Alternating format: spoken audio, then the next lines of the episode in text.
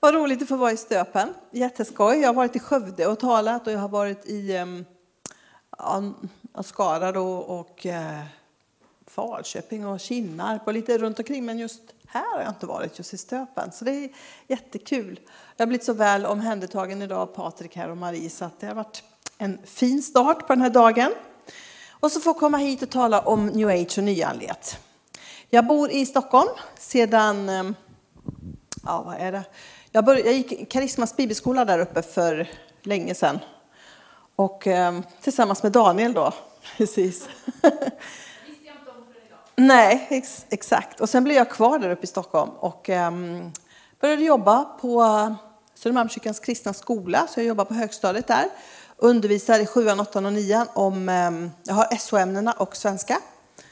Eh, och vi har ju, ja, det är 60 procent som är kristna av de här barnen och 40 inte. Många blir ju kristna på skolan så det är härligt. Vi får vara raka och radikala. Men vi har ofta Skolverket där, men det har gått bra. Peppar, peppar. De har mycket frågor och vi har fått möta Skolverket på en helt ny nivå. Så det har varit spännande. Jag älskar att undervisa på högstadiet, det är roligt. Och sen är jag ute och reser 20 procent på fria kallelser och då undervisar jag om nyandligt och new age. Jag är ute på new age-mässor två gånger per år och eh, pratar med människor, sökare. Vi brukar ha ett bord där vi presenterar Jesus. Och eh, sen får man plocka in de här människorna till sin egen cellgrupp. För jag har en cellgrupp, då, en husgrupp med bara nyfrälsta, eller new age-tjejer skulle jag kunna säga, som kommer utifrån mässan. Så det går att vinna de här människorna, så det är roligt. Men nu har jag inte rest någonting. Jag har varit hemma i de här coronatiderna så att det är faktiskt bland de första mötena att få komma ut här och resa. Och det är så roligt att få vara ute igen och tala. Jättehärligt att få möta församlingarna. Så jag är med i Södermalmskyrkan. Vi har inte startat upp vår församling än, utan vi har bara kört på webben, online-gudstjänster. Men vi hoppas och tror att det ska bli tid för det här att öppna upp sig. Ehm, mm, vet ni lite om mig där. Och idag ska jag undervisa om new age och nyandlighet då, vilket är oftast det man får undervisa om, men det finns väldigt mycket annat som är härligt att få prata om också. Relation med Jesus och relationen med den helige ande. New age, ja, jag, har ju in, jag är inte uppvuxen i nyandlighet eller någonting så, men jag har varit en sökare. Jag var 23 när jag blev frälst och tog emot Jesus. Men däremot, min syster var involverad i det här. Det kunde vara så här att vi var ute och åkte bil och så kunde syrran säga till pappa, pappa kan du stanna? Och så kunde hon säga att här vet jag att jag har levt i mitt gamla liv. Här levde jag på 1700-talet. Eller så kunde det vara så att syrran var ute och gick och så kunde hon komma tillbaka och säga, nu har jag varit ute och umgåtts med vättarna och trollen och de ger mig energi. En form av nyhedendom. Och jag förstod inte riktigt vad det var hon pratade om, men när jag var 23 så tog jag emot Jesus och då förstod jag att det hon var uppkopplad mot, det var en annan andevärld än den jag hade liksom bejakat. Och sen fick jag en fråga när jag pluggade till lärare i Jönköping om jag ville vara med på en nyandlig mässa. Och då visste jag inte knappt vad det var. Men jag tackade ja till det och det här tog mitt hjärta. Att få vara ute bland de här sökarna och presentera Jesus. Så sen har det varit så att jag har varit ute på mässor, nyanlända mässor runt om i hela Sverige faktiskt och peppat församlingar och pushat församlingar att vara ute bland de här sökarna och presentera Jesus. För de är mottagliga, de är öppna. Om jag säger new age, vad tänker ni på då? Vad är det för någonting? Ta en minut med grannen och bara lyft det här begreppet. Vad är det för någonting? Varsågoda. Allt det här ni säger stämmer ju väldigt väl in. Och väldigt mycket mer. Och vi vet att människor idag söker. Man är inte nöjd, man vill komma vidare. Och man öppnar upp sig för andlighet. Och idag lanseras det mycket. Det kommer in överallt. Det kommer in på gym. Det kommer in på friskvårdsanläggningar, vårdcentraler, arbetsplatser, dagis, skolor och förskolor. Och alla tror att det ska vara ett sätt att koppla av. Och så döljer det sig en andlighet i det här. Och vi ska ta reda lite på vad är det här för någonting? Är det farligt? Är det bra? Hur gör jag för att bemöta det här? Så jag hoppas att du ska få lite svar på de här frågorna. Och vi kommer att ha en frågestund också sen innan vi går vidare mot avrundning och slutet här. Så jag kommer att undervisa nu en timme ungefär och sen kommer vi ha en liten bensträckare och sen fortsätter vi en liten stund till. Så får du frågor, skriv ner dem så tar vi dem under frågepasset där. Jag vill att du börjar slå upp ett bibelord med mig. Nu läste du så bra bibelord där som jag faktiskt hade tänkt att relatera till. Men vi kan börja med första Timoteusbrevet 4 och 1. Första Timoteusbrevet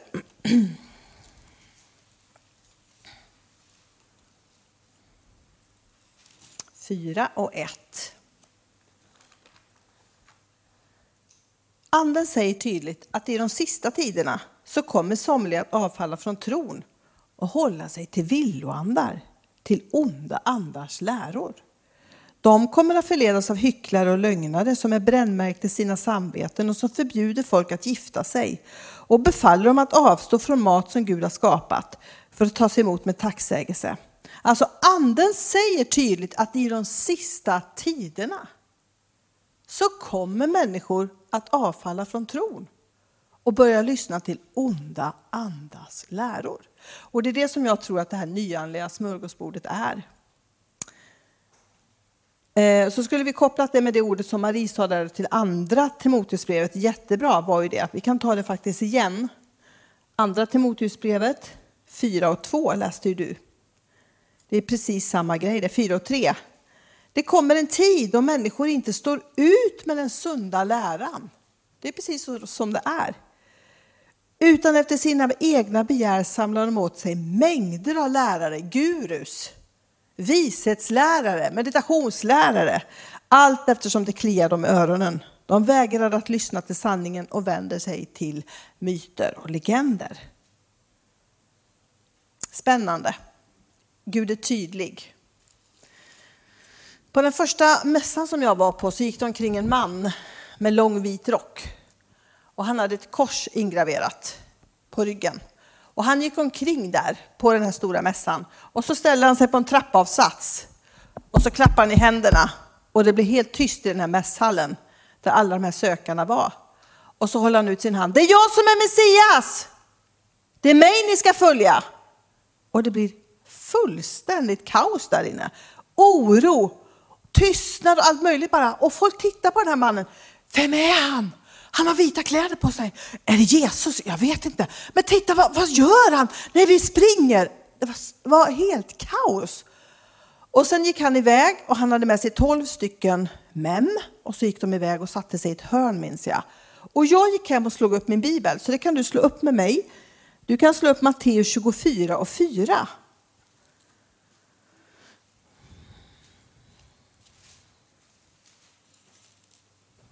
Matteus 24 och 4.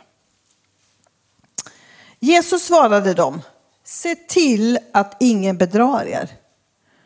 Ty många ska komma i mitt namn och säga, jag är Messias, och det ska leda många vilse. Det var precis det jag såg för 20 år sedan, tror jag det här var, på min första mässa. Eller andra kanske det var. Jag har aldrig sett honom mer, men han gjorde väldigt starkt intryck. Så vi måste förstå att vi lever i den sista tiden. Och vi behöver känna till vad Guds ord säger. Vi behöver kunna ge Guds ord, för tron kommer ju av predikan, precis som Marie sa. Vi behöver predika, vi behöver ta ut Jesus. För han är attraktiv, han är spännande. Många av de här människorna man möter inne på mässan, de har ett förflutet i kristen tro. De är uppväxta i, i frikyrkan, men så har man gått vidare. Och så undrar de varför vi står där. Men Jesus var ute och mötte människor. Han älskade människor och vi ska gå ut och möta de här. Ta dem tillbaka till det de har tappat och visa dem vem Jesus är. Det är vår utmaning. Nu skulle jag vilja att du tar fram den första bilden där tror jag. Det är väldigt spännande att vara ute på de här mässorna för man kan vara hur radikal och frimodig som helst för alla håller på med allt möjligt inne i de här mässhallarna. Man reser i anden, man lämnar sin kropp, man håller på med kristaller och stenar och healing och allt möjligt. Vi brukar ha en helande stol. Sätt dig ner och ta emot förbön i helande stolen. Behandlingen med handpåläggning är helt avgiftsfri. Här kommer människor och tycker det är superspännande. Grejen är att på kvällen innan så har vi smort den här stolen med olja och sagt att Jesus, när människor sätter sig i den här fåtöljen, låt den heliga ande komma över dem. Låt dem få känna att de sätter sig i ditt knä. Och det är så ofta vi får se det, hur människor gråter, hur människor öppnar upp hela sitt inre, hur människor bara vill liksom ta emot och har tid att sitta, för de sitter i Jesu famn. Och där kan man vinna människor, där kan man tala in i människor, där kan man knyta dem till sig. Och Jesus är på plats där. Vi kan ta nästa. Min första fråga är, vad är New Age då? då skulle jag vilja säga att det är som ett stort världsomfattande nätverk. Eh, ett jättestort nätverk. Det finns ingen enhetlig organisation, ingen enhetlig församling, utan ett stort nätverk som är spritt över hela vår jord. Och man sprider varandras läror genom att ta del av varandras kurser, man går på varandras eh, möten och så sprider man det här som ett stort nätverk över hela vår jord. Så det är som ett stort världsomfattande nätverk. Och precis som ni sa så är det som ett stort smörgåsbord. Och på det här smörgåsbordet så finns då allt. Stenar, kristaller, healing, tarotkort, horoskop, yoga, mindfulness, spöken, häxor. Allt det här finns. Och ingenting är rätt, ingenting är fel. Utan du får själv välja vad du vill ha på det här smörgåsbordet. Det är det som gör det så enkelt att gå in i det, i det här med nyanligt, för inget är ju rätt. Inget är ju fel. Vill du bara blanda stenar och kristaller och yoga, då kan du göra det. Men vill du blanda det med allting av healing och spådomar och eh, numerologi och allt vad det finns, då kan du göra det. Inget är ju rätt, inget är ju fel. Var och en blir salig på sin tro, skulle man kunna säga. New age är också synkretism. Och då är min fråga, vad betyder det? Du blandar olika religioner. Du har alla religioner i det nyandliga. Den enda så synkretistisk blandning skulle man kunna säga. Kristendom, buddhism, hinduism, skriftlösa religioner från Afrika. Du har till och med tidsepoken romantiken när man skulle ut och frigöra sig själv och hämta kraft från solen och månen. Du har Freuds läror, psykoanalysens fader. Du har en enda stor synkretistisk blandning. Alla känner igen sig i det här smörgåsbordet och i det här religionsflödet. Man brukar också säga att new age är andar och guider. Och det gäller för dig att få fatt på din andeguide som ska tala till dig, som ska leda dig, som ska uppenbara sig för dig och visa dig vägen. Och då kan man gå på en new age-mässa och få hjälp av ett medium. Så kostar det 300-400 kronor och så mediterar de över dig och öppnar upp dina chakran. Öppnar upp dina kanaler så att du har access eller tillgång till din andeguide. Vi stod och tittade på det här på, man kunde lämna sina små barn till ett ande, en sån här kvinna som höll på och gav barnen andliga guider. Och då kom det en mamma och sa min lilla flicka vill ha en andlig guide.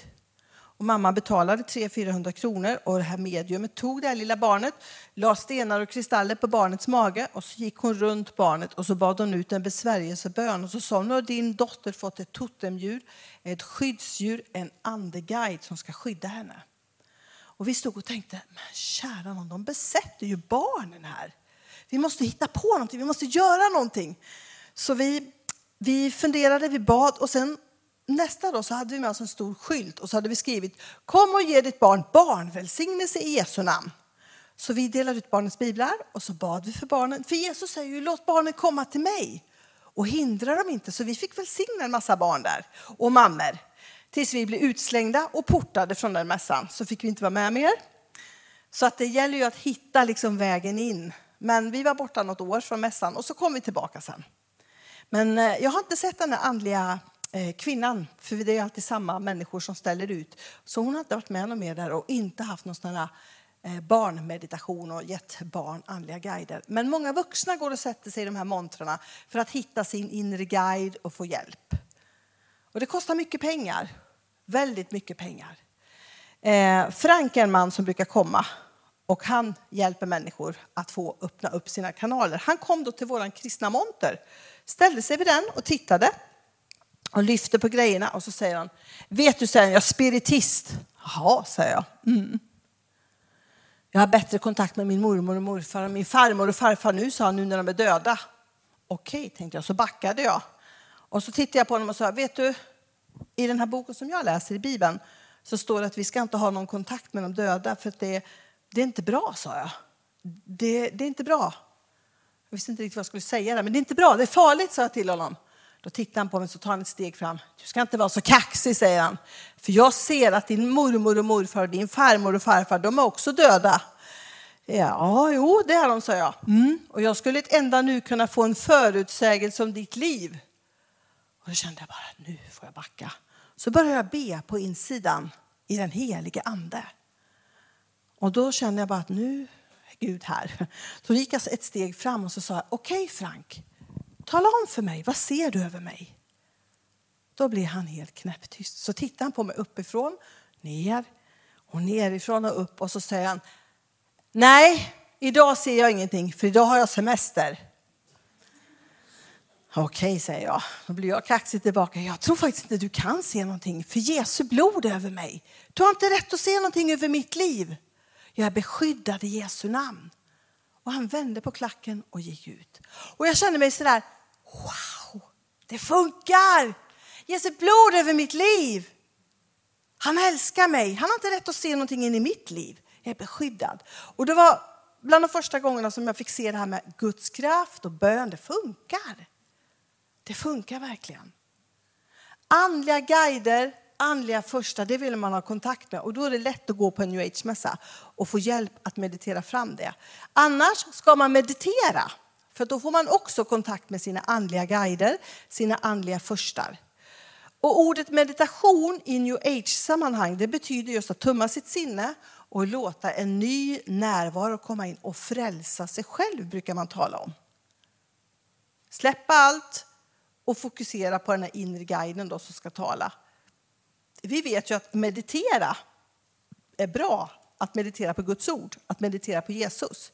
Det gjorde kung David. Han mediterade på Guds ord, han tuggade Guds ord. Det är det vi ska göra. Sätt oss ner med Guds ord. Andas ut och dåliga, andas in Jesus och bara sitta där med Jesus och lyssna på Jesus. Det är meditation som heter duga. Inte försöka liksom tumma sig själv och få kontakt med några andliga guider utan tala ut Guds ord så min ande får liv. Det är sann meditation. Så vi behöver skilja på det här, vad det är för någonting. Eh, det finns många olika meditationer idag. Massor med olika meditationer som lanseras och som människor glatt köper. Jag tänker på den här meditationen. Eh, känner ni igen? Du kan ta fram den bilden där. Känner ni igen den bilden? Yoga tänker jag på, som är väldigt populärt. Det handlar om att öppna upp sina chakran. Pratar du med en läkare i, inom sjukvården så pratar de inte om chakran. Pratar du inom nyanliga läkare och alternativa terapier så är det alltid chakran, alltså kanaler som man öppnar upp för att komma i kontakt. Vi har sju stycken stora och 12 stycken små. Och då handlar det om att få de inre krafterna att gå genom varje chakra och komma upp till kronchakrat och utsläcka liv. Så yoga står egentligen för att tömma sig på liv, att utsläcka liv, att komma i kontakt med Brahman. Och det är en mödosam väg. Man börjar här längst ner i ryggslutet. Kundalinikraften ska slingra sig upp genom varje chakra och utsläcka liv. Och då kan man meditera på Aum till exempel, känner ni igen inom yogan? Ett sånt här litet mantra. Står för de tre stora gudarna inom hinduismen. Vishnu, Brahman och Shiva. Och då kan man ju tänka själv om man mediterar på dem och ska uttala de orden. Vad som händer i kroppen och i sinnet. Yoga handlar alltså om att gå ner i andning, därav sittställningen som ni ser. Fingrarna hålls i olika mudras för att fokusera och börja utsläckandet av liv för att uppnå Brahman. Men det säger ju inte yogakurserna, kom och utsläck livet. Ingen skulle ju komma. Men det är det det handlar om. Att kunna gå, att dö från sig själv och kliva upp i Brahman. Att slippa återfödelsens kretslopp. Idag finns det ju hur mycket yoga som helst. Mamma-yoga, fitness-yoga, power-yoga, till och med katt-yoga har jag sett på tv all möjlig yoga, men alla mynnar i samma. Medicinsk yoga, det har ett, ett, liksom ett inflöde i hinduismen. Alla rörelser man gör i det här är att böja sig under de hinduiska gudarna och börja utsläckandet av liv. Man börjar med solhälsning. I Bibeln står att vi ska inte hälsa på solen. Sen är det så, sen, oh, jag satte mig så här i kors, har suttit i en yogaställning nu. Ja, det kanske du har gjort, men alltså när man sätter sig ner med benen i kors så betyder inte det att du håller på med yoga, så vi får ju skilja lite på saker och ting här. Men när du går in på ett yogapass där en yogainstruktör leder så vet de exakt hur de ska göra för att börja utsläckandet av livet. Så sitter du hemma och sträcker på dig, för det ska vi göra, vi ska ju stretcha, det är ju jätteviktigt, våra leder och våra muskler. Men var hämtar jag informationen och flödet ifrån? På yogaklasserna, på en video eller vad det nu är, där, där går det bort. Så skilj på det där. Men yoga har ju fått ett oerhört inflytande idag. Det finns ju överallt, så vi behöver vara noga. Vad är det här för någonting? Hur påverkar det mig? Och det kommer in på skolor. Är det någon här av de unga som har varit med om att blivit tillsagd att ni ska göra det? Nej. Bra, då kan ni säga att då kan jag göra någonting annat istället. Då kan jag ta en promenad, jag kan sätta mig och plugga eller någonting. Det är jättebra och bara visa att liksom, det här är religion. Skolan ska vara icke-konfessionell, alltså inte ha någon religionsinslag. Och det här är religion, det är en del av hinduismen. Så att det är bara liksom att nej. Och då kommer de säkert säga nej, det är bara lite tekniker. Ja, men det är tekniker inom religion. Så det vill inte jag göra. Att bara vara konsekvent och bergsfast. Jag har haft många elever som man har fått peppat och hjälpt dem att stå emot och be för det här. Ta ett samtal med din rektor. Ni behöver inte gå på det här, för det är religion. Ja, vi kan prata mer om det, det kanske kommer frågor. Det finns andra former av meditationer. Qigong, känns den igen här? Qi, livskraft, gong, metod, livskraftsmetod från Kina. Flödig taoism har vi den här symbolen, Ying. Det är det kvinnliga, det är det svarta, hårda, kalla. Yang är det manliga, det ljusa, mjuka. De här två står i varandras motpoler. Och man pratar om livskrafter, energier och balanser, kikrafter. Det här styr kosmos, pratar man om. Den här symbolen talar om att Gud är både ond och god och vi ska ha balans i det. Min Gud är inte både ond och god. Det här blir fel att lägga in i sin kropp, att ta in taoismens flöde av energier. I, Bibeln står I min bibel står det hos honom sker ingen växling, hos himlaljusens fader. Så det blir väldigt fel att ta in balanser och försöka få balans mellan ont och gott. Så det är väldigt viktigt vad det är för meditationer man connectar till och vad man ska ta del av. Var har de sin införsel och var har de sitt utflöde och var hämtar de sin inspiration ifrån? Så det behöver man alltid kolla upp. Det finns andra, eh, ja, mindfulness är också en form av meditation. Den har kommit nu på senaste tid. Det är en buddhistisk form. Ni som känner till buddhismen vet att där finns den åttafaldiga vägen. Mindfulness, sinnesmedvetenheten, den är den sjunde vägen i det här livshjulet. Och det handlar alltså om att släppa sinnet, att koppla av, att bara liksom fokusera på så här är det, det kan inte bli någon förbättring, så här kommer det vara, att bara liksom anpassa sig efter det här. Och Ola Schenström som tog in det här till västvärlden för att lära oss att börja med mindfulness och koppla av i sinnet. Han skriver öppet i introduktionsordet att målet med mindfulness är att uppnå nirvana och bli en buddha. Det blir väldigt, väldigt fel.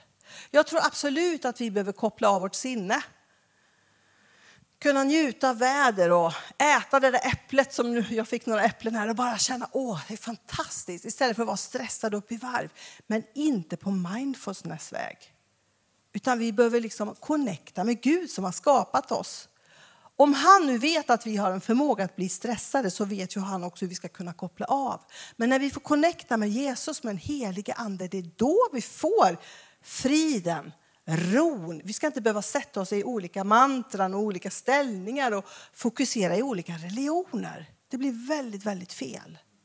Så det behöver vi också vara noga med. Var kopplar jag upp mig? Vad säger de? Alltså läkarvården, ja, då får du gå på mindfulness. Var noga med det här. Liksom. Nej, varför ska jag göra det? Det här är ju buddhism. Nej, vi har plockat bort buddhismen. Men det mynnar i buddhism och det kan jag inte plocka in i mitt liv. Då ställer jag mig utanför Guds beskydd. Så det behöver man ju vara noga med. Ta del, diskutera och samtala kring. Vad gör jag då istället? Vi kommer på det också. Det finns fler former av meditationer. Eh, vi får se om det kommer upp bland frågorna sen, men det är de vanligaste. Kan vi ta nästa där? Vad tror man på då? Ja, man tror att allt är gott, allt är kärlek. Man får tidigt lära sig inom det nya att älska alla religioner, alla trossatser. För lär du dig att älska alla religioner, allt som är ont, allt som är gott, så kommer du så småningom att bli en Kristus. Everyone is Jesus, sjunger Thomas Di Leva. Så man måste lära sig att älska allting, oavsett om det är gott eller ont. Man tror att Gud finns i allt. Och Gud kan tillbedjas. Du, kan, du är Gud själv, så du kan tillbe dig själv. Gud finns i allt. Gud är ingenting som du kan ha en personlig relation med. Han är något flummigt som finns i kosmos. Och då tycker jag det är så skönt att Guds ord säger att de som tog emot honom gav han rätt att bli Guds barn. Det vittnar ju om att jag kan ha en relation med Gud. Men det tror man inte inom det nyandliga. Fader vår vittnar ju också om att jag har en relation med Fadern. Nej, det, kan det tror man inte på. Det var en kvinna som stod bredvid oss och hon och hennes man de sålde rökelse. Rökelse inom det nyandliga har förmågan att öppna upp de inre kanalerna så att du har lättare att ta emot andliga budskap. De sålde rökelse. Och vi hade fått en jättefin relation med den kvinnan så vi hade pratat och då sa jag till henne, kan inte du komma i eftermiddag för vi ska ha ett seminarium på den här nyandliga mässan. Nej, men du vet jag står ju här och säljer rökelse, jag kan inte lämna min man. Nej, men om du får tid så, så är vi i föreläsningssal 3 där borta. Och vi sätter igång, vi kör något drama, vi vittnar om kristen tro. En del går ut när de hör att vi är kristna. Och då ser jag en kvinna smita in och hon sätter sig längst bak. Och nästan på en gång så ser jag att hon sitter så här, torkar sig runt ögonen. Jag tänker oj, hon får möta Gud nu tänker jag. Eller hon tar emot Gud kanske. Och sen går jag ner till henne och så säger jag, vad roligt att du kom. Förstod du vad vi pratade om? Jag fattar ingenting, säger hon så slår hon ut med armarna. Jag fattar ingenting. Vad är det du inte förstår, säger jag. Ni står och pratar om Gud, att man kan ha relation med Gud genom Jesus.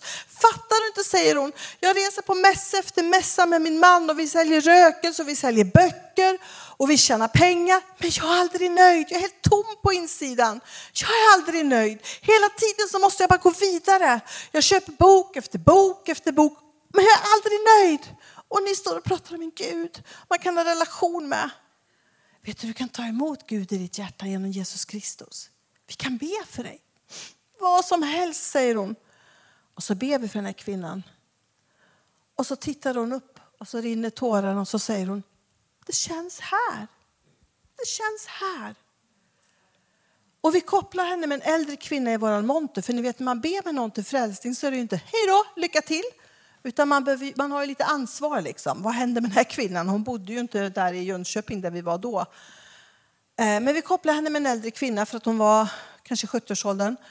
Och sen tog det flera år, men så kommer ett julkort till den här äldre kvinnan i vår kristna monter. Och då skriver den här kvinnan, jag vill bara tacka er för att idag har jag och min man, vi har sålt rökelsehuset, vi säljer ingen rökelse mer. Vi har gått med i en församling i Linköping och vi har båda en relation med Gud.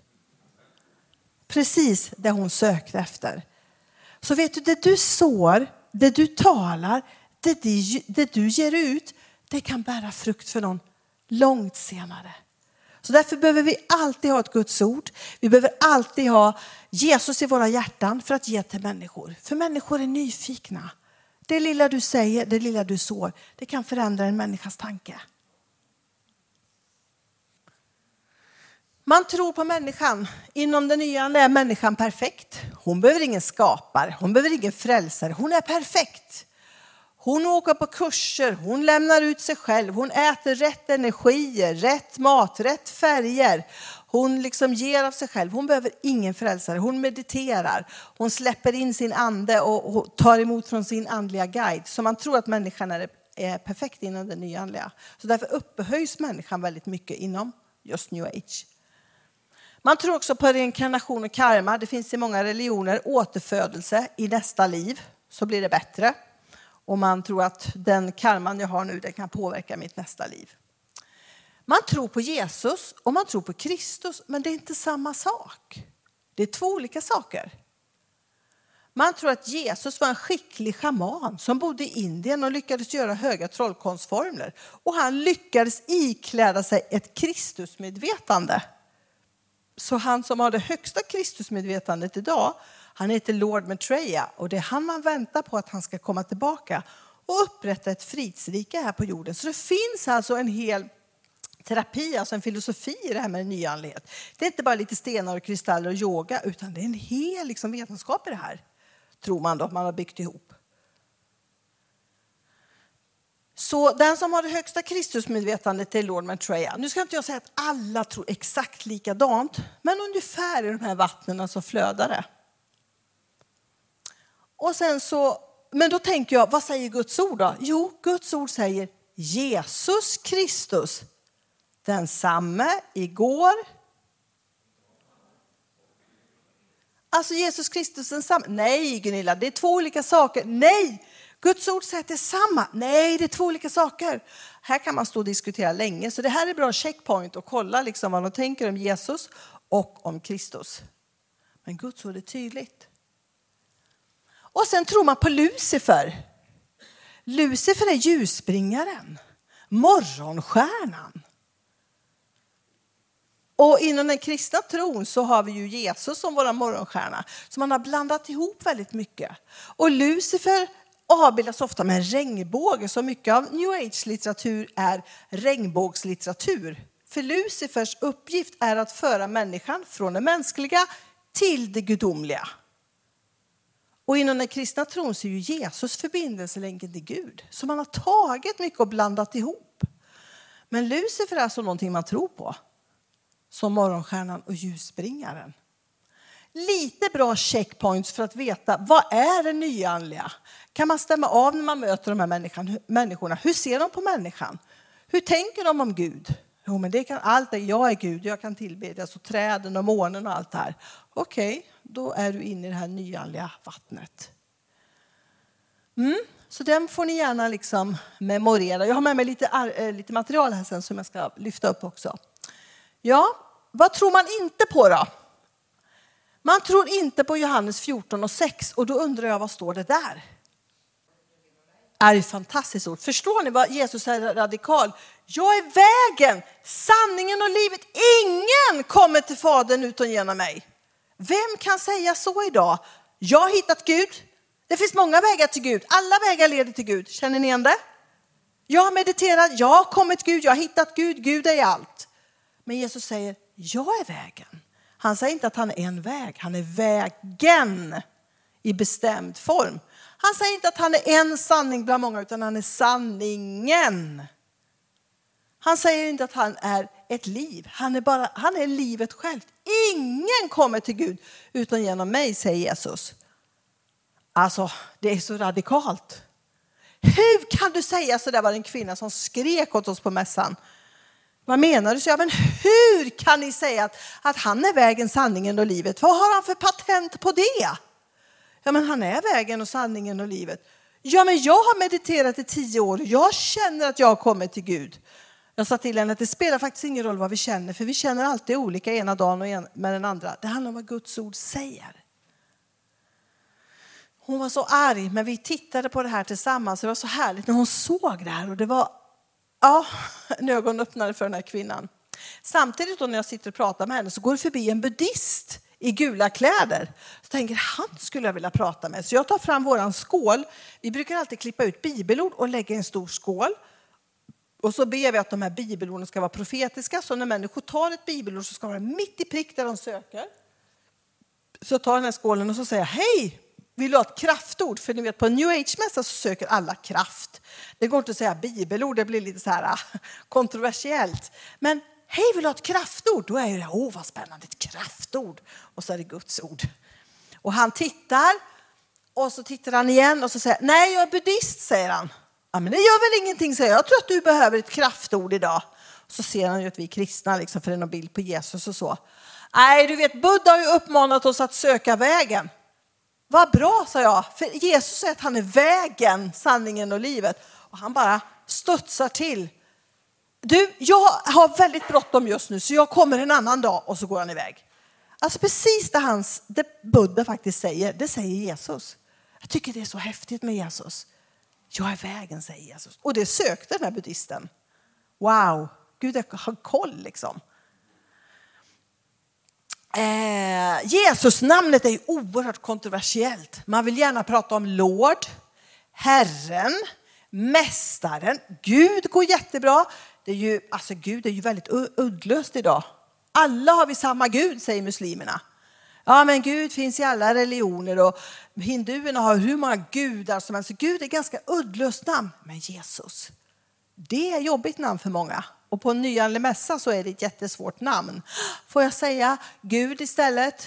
Kan vi be till Gud? Vi ska be i Jesu namn. Och då kom det en kvinna, hon satte sig i vår helande fåtölj. Och jag tror att någonstans i hjärtat så var hon frälst. Hon hade liksom koll på det här med Jesus, fast hon var inte riktigt rätt i alla fall. Och vi pratade länge och så säger jag till henne, vill du inte bli frälst? Vill du inte ta emot Jesus i ditt hjärta så att du bara vet att du vet att du vet att du är frälst? Att du får en relation med honom? Jo, jag vill det, sa Men då ber vi så här, vi ska be en frälsningsbön. Ja, för, för, du tror, så jag, att Jesus dog för dig, tänkte jag kolla av det. Ja, det, jag tror absolut att han dog för mig och att han kan förlåta dig din synd. Ja, det tror jag, sa hon. Ja, vet du, då, då ber vi en frälsningsbön för då kan du bli frälst nu. Ja, och så skulle hon, då sa då får du be efter mig. Så knäppte vi händerna. Tack Jesus att du älskar mig. Tack J, tack J, J, J. Och hon höll på där. Jaha, vad händer, sa jag. Det är jättekonstigt, så det går inte att säga det. Ja, vi försöker igen, sa jag. Tack Jesus att du älskar mig. Tack J, J, J. Men vad är det för grejer du håller på med? Ja, men alltså jag håller på med meditation, jag håller på med det och det. Alltså hon hade hundra grejer, jag kommer inte ihåg allt. Jag sa, vet du, om du ska ha Jesus i ditt hjärta, då, kan du bara, då är det bara det du ska ha. Du kan inte blanda den kristna tron med buddhism och hinduism och lite terapier och lite olika meditationer som har sin grund i alla möjliga grejer. Nej, då är det bara Jesus. Jag vill inte ha det andra. Nej, men då får du avsäga dig det, sa jag. Och så fick hon avsäga sig det där. Och så bad hon om förlåtelse och vi pratade lite om det och så skulle vi be igen. Tack Jesus att du älskar mig. Tack Jesus. Jesus. Jesus. Jesus, Jesus, Jesus, Jesus, Jesus. Jesus. Och jag tror hon sa det namnet 20 gånger. Vi kom inget mer i den bönen. Det räckte. Där blev hon frälst. Där blev hon förvandlad. Där fick hon nytt liv. Där blev hon avklädd det gamla. Där fick hon en ny identitet. Någonting reste sig i den här kvinnan. Vet du namnet Jesus? Det är svaret på allt det vi söker. I det namnet måste fienden fly, står det. För hans namn så ska här, här, eh, fiendens härskare fly. Känner du Jesus så har du kraft i det namnet. Djävulen måste gå när du ber i namnet Jesus. Och jag tror att det finns människor här idag som behöver ta sin auktoritet, sin kärlek tillbaka till Jesus för du har tappat glädjen i Jesus. Han är ingenting, liksom. han är som allt annat. Du behöver förnya din relation med Jesus. Livet handlar om att få tillbaka sin relation och vara trygg i Jesu namn. Det är så tydligt på de här mässorna. Så tydligt. Vi brukar alltid be ut vårt område så här. Tack Jesus att du står här. Det här är vårt mässområde. Bara stå här och lys genom oss. Jesus, låt dina ögon lysa genom våra ögon. Låt oss få kunna se människor, möta dem med din kärlek Jesus. Så vi verkligen har en tid av bön och fasta innan vi kliver ut på de här mässorna. Och sen när vi står där så har vi så mycket folk i den här montern. Och de kommer liksom och de ska stå i den här montern. och De ska sitta ner i stolen. Och jag vet inte vad det är här, men det är någonting här. Vi har hört så mycket roliga grejer. Liksom. Ja, här är Jesus. Ja, och vem är han? Alltså, så får man börja vittna. Liksom. Jesus gör någonting med människor. Han är på riktigt. Vilka är ni? Det bara lyser om er. Ja, vi tror på Jesus. Jaha, och, eh, varför då? Och så är samtalet igång. Det stod en schaman tvärs över. Schamaner reser i anden, slår på trolltrumma och eh, liksom försöker möta sina totemdjur, sina andar. Och han stod tvärs emot oss. Och jag ser en mamma gå med sitt barn fram och tillbaka så här med sitt lilla barn så här som skriker. Är oroligt. Och så hör jag mamman, så går hon bort till schamanen och så säger hon kan inte du med din kraft förbanna de där kristna? De är här på varenda mässa. Och jag tänkte, åh hjälp, vad ska han säga nu? Då hör jag att schamanen säger, nej vet du vad, den kraften de har, den vågar jag inte konfrontera. Vet du, när du har Jesus så är du övertag. Du är huvud, du är inte svans. Du har, du har övertag. Du behöver förstå din auktoritet och din identitet i Jesus. Du behöver lära känna honom på nytt kanske. Ta tid med honom, be honom om förlåtelse för att du har glömt honom, för att du inte varit noga med din tid med honom. Jag vet inte, du vet. Några kvinnor stod i ett hörn på den nyanlända mässan och de stod så här. Så jag sa till dem i våra monter, okej, okay, de håller på att förbanna oss, nu får vi be. Och vi kände oss väldigt tränerade på kraft och hade varit det en stund. Och så när vi såg de här kvinnorna så förstod vi att nu är det grejer i andevärlden här. Så vi började be och sen ser den ena häxkvinnan komma fram till Monica som står i montern och Monica har ett kors på sig. Och då säger den här häxkvinnan, kommer hon fram och så tar hon tag i Monikas kors och så väser hon mot Monika. Jag förbannar ditt kors! Och jag står lite längre bort och pratar med en man. Och helt plötsligt så bara hör jag hur det, och då, då hör jag Monika som säger bara i Jesu namn släpp mitt kors, säger hon då. Och då hör jag hur det säger swish och så ser jag den här kvinnan i periferin i ögonvrån bara flyga ett par meter bort och så står hon så här. Så jag bara tittar på avståndet och bara, vänta vad hände nu? Så jag går till Monica och säger, Monica vad hände?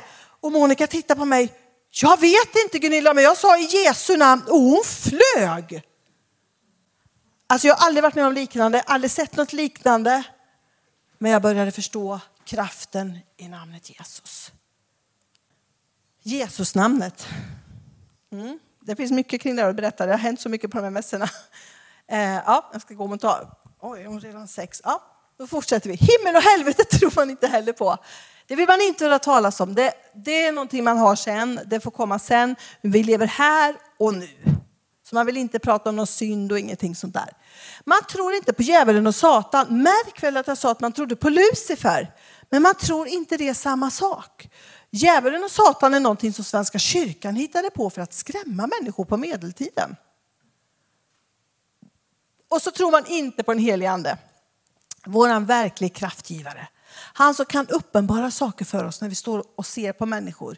Tala. Om vi är tysta och lyssnar och stänger ner oss själva så börjar Gud att tala. Den helige ande uppenbara saker för oss när man är i bön och när man lyssnar. Superspännande. Allt det här är saker man inte tror på och inte vill ha att göra med. Men om du tar fram nästa där så har vi fått en uppmaning där. Hur ska vi, där står det precis som det Marie pratade om förut då, att tron kommer att predikas. Så vi behöver ju predika för de här människorna. Vi behöver vittna och berätta. För vet du, inom den nya ande så saknar man både Gud och Jesus och den helige ande. Man tror att man har alla tre. Man tror att man har Gud.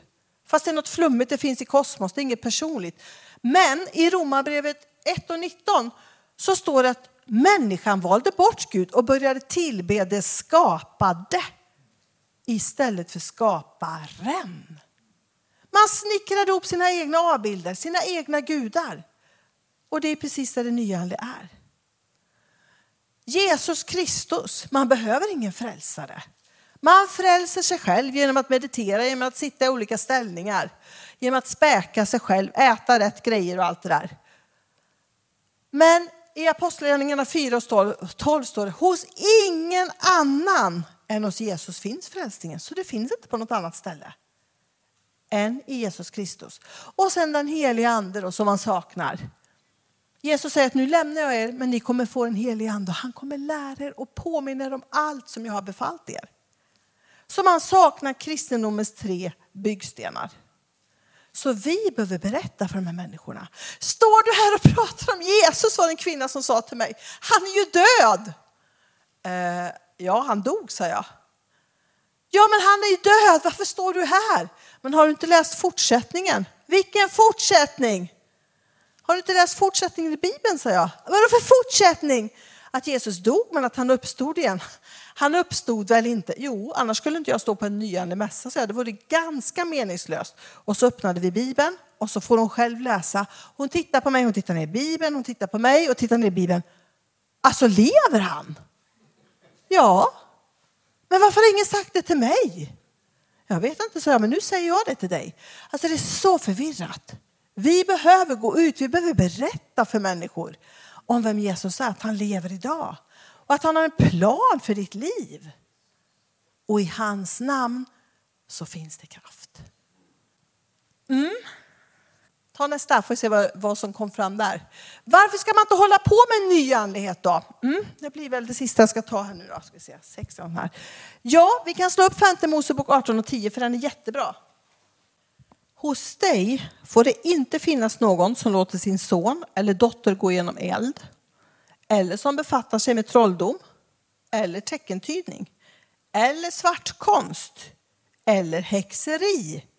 Ingen som sysslar med besvärjelsekonster, ingen som frågar andar eller som är en spåman eller som söker råd hos de döda. Ty en styggelse för Herren är var och en som gör sådant. Och för sådana styggelses skull fördriver Herren din Gud dem för dig. Alltså ser vi hur, Gud, hur tydlig Gud är? Och det är allt det här som tv lanserar upp och som är superpoppis nu, liksom trolldom och teckentydning och spökerier i hus och kasta ut andar och allt vad det är man ska göra. Häxeri, spådomar, besvärjelsekonster, spiritualister och söka råd hos de döda. Allt det här är ju det som världen suktar efter. Men hur tydlig Gud är. Vi kan inte blanda vår kristna tro med någonting sånt här. Vi drar en förbannelse över oss. Vi blandar liksom ljuset med mörkret. Och då blir det ett unket kristet liv. Vi behöver leva rent och rätt. Och har vi hållit på med sådana här saker, då behöver vi avsäga oss det. Be Jesus om förlåtelse och omvända oss. Allt är inte helt enkelt idag. Det smyger in så mycket grejer. Det är så lätt att man kliver in i saker utan att man visste och förstod. Men när vi ber Jesus om förlåtelse så är han där och renar oss med sitt blod som får skölja över oss och förnya oss. Och så får vi omvända oss. Om du tycker det här är intressant och du känner att jag behöver mer kunskap och så, så får du gärna köpa lite grejer här. Jag har med mig ett häfte som jag har skrivit när jag gick på bibelskolan. Jag håller på att skriva en bok nu, men den är inte klar än. Så det där häftet det kostar 50 kronor.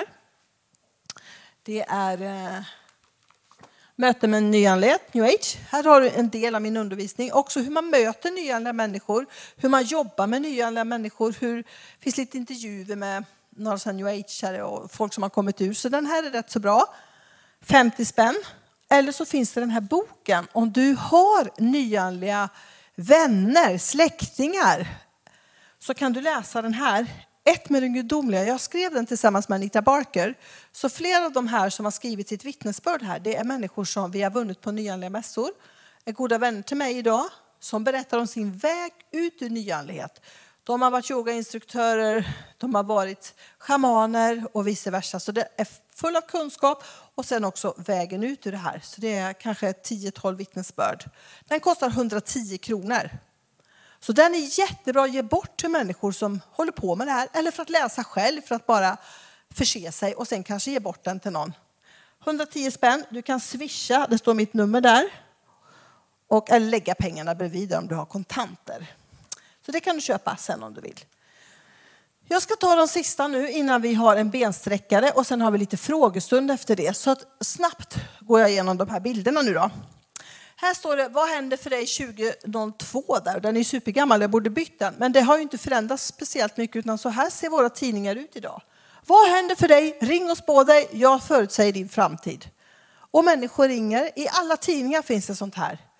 Spådomskedjan, horoskopkedjan och allt vad det är. Tänk att ha en liten blänkare. Jag har funnit meningen med livet, ring. Tror ni folk skulle ringa? Ja, tror jag absolut. Va? Finns det en mening med livet? Ta nästa. Personal sökes. Du som är medium, tarottolkare, astrolog, eh, djur, drömtydare, djurkommunikatör, tidigare livmedium. Spirituella linjen är en av Sveriges bästa telebetaltjänster. Vi växer så det knakar och behöver mer personal, heltid som deltid. Spirituella linjen, vem har hört talas om den? Det finns jättemycket som jobbar undercover för att vinna människors medialitet och andliga intresse. Nästa. Qigong på schemat. Qi, livskraft, gong, metod. Livskraftsmetod från taoismen, Kina. Här är gymnasietreor som ska ut i Stockholms skärgård, meditera och lära sig qigong för att anpassa sig in i vuxenlivet, för att lära sig att stressa ner. Här behöver vuxna säga ifrån. Min dotter, min son ska inte följa med och allra helst tonåringarna själva. Det här är ju religion, det är taoism. Det är en livsfilosofi som jag inte står bakom.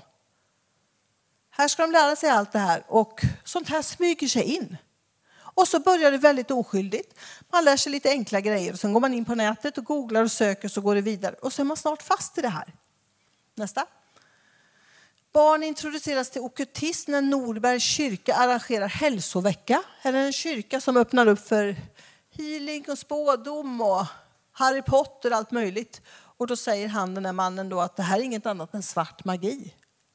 Vad lånar kyrkorna ut sina lokaler till? Det behöver vi också vara noga med. Nästa. Seriösa häxor får jobb i Huddinge. Här är Arbetsförmedlingen som annonserar efter mediala kvinnor in i sina företag.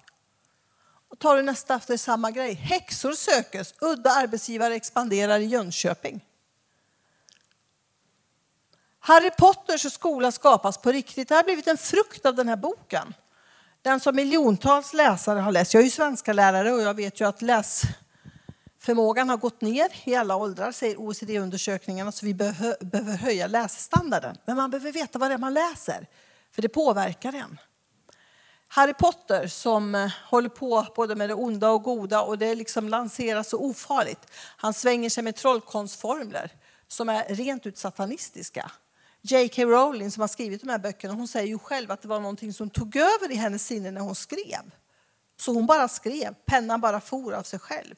Här har blivit en frukt av den här böckerna då, att en riktig häxskola ska startas på Irland.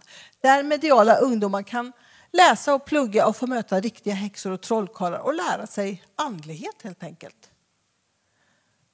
Nästa. Yoga istället för joggning på våra gym. Nästa. Yoga är bra om man springer benen. En årskurs 1 som har tagit bort läsinlärningen 40 minuter. Och så har man en yogapedagog som lär barnen solhälsningar och aum. Här behöver ju kristna lärare reagera, föräldrar reagera. Och så undrar man varför läsinlärningen har gått ner. Mm. Yoga lugnar fyraåringar. Ett dagis som har problem med stökiga fyraåringar, då ger man dem yoga. Disney lockar tjejer. Det kom en tidning som heter Witch för några år sedan som var för barn, tjejer från 9 till 11 år. Jag tror inte den tidningen, jag har inte sett den nu på ett tag. Men det var att de skulle lära sig spå och sådär. Tecken och symboler är viktigt.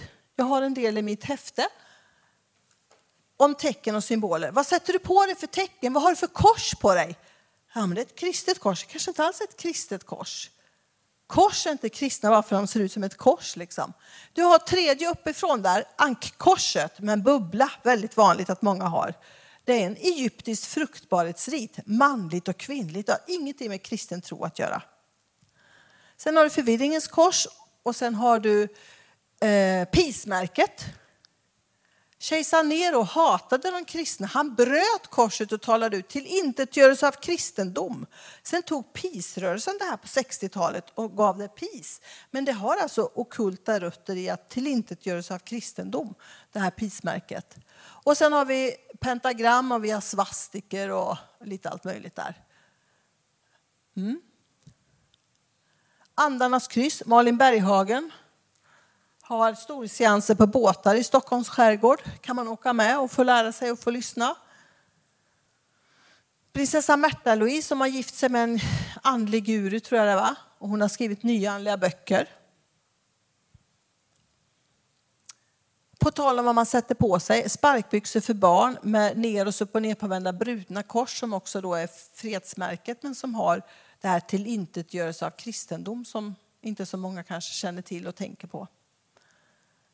Shakti-mattan, spikmattan, Aum, det holistiska märket som blev årets julklapp för tio år sedan tror jag.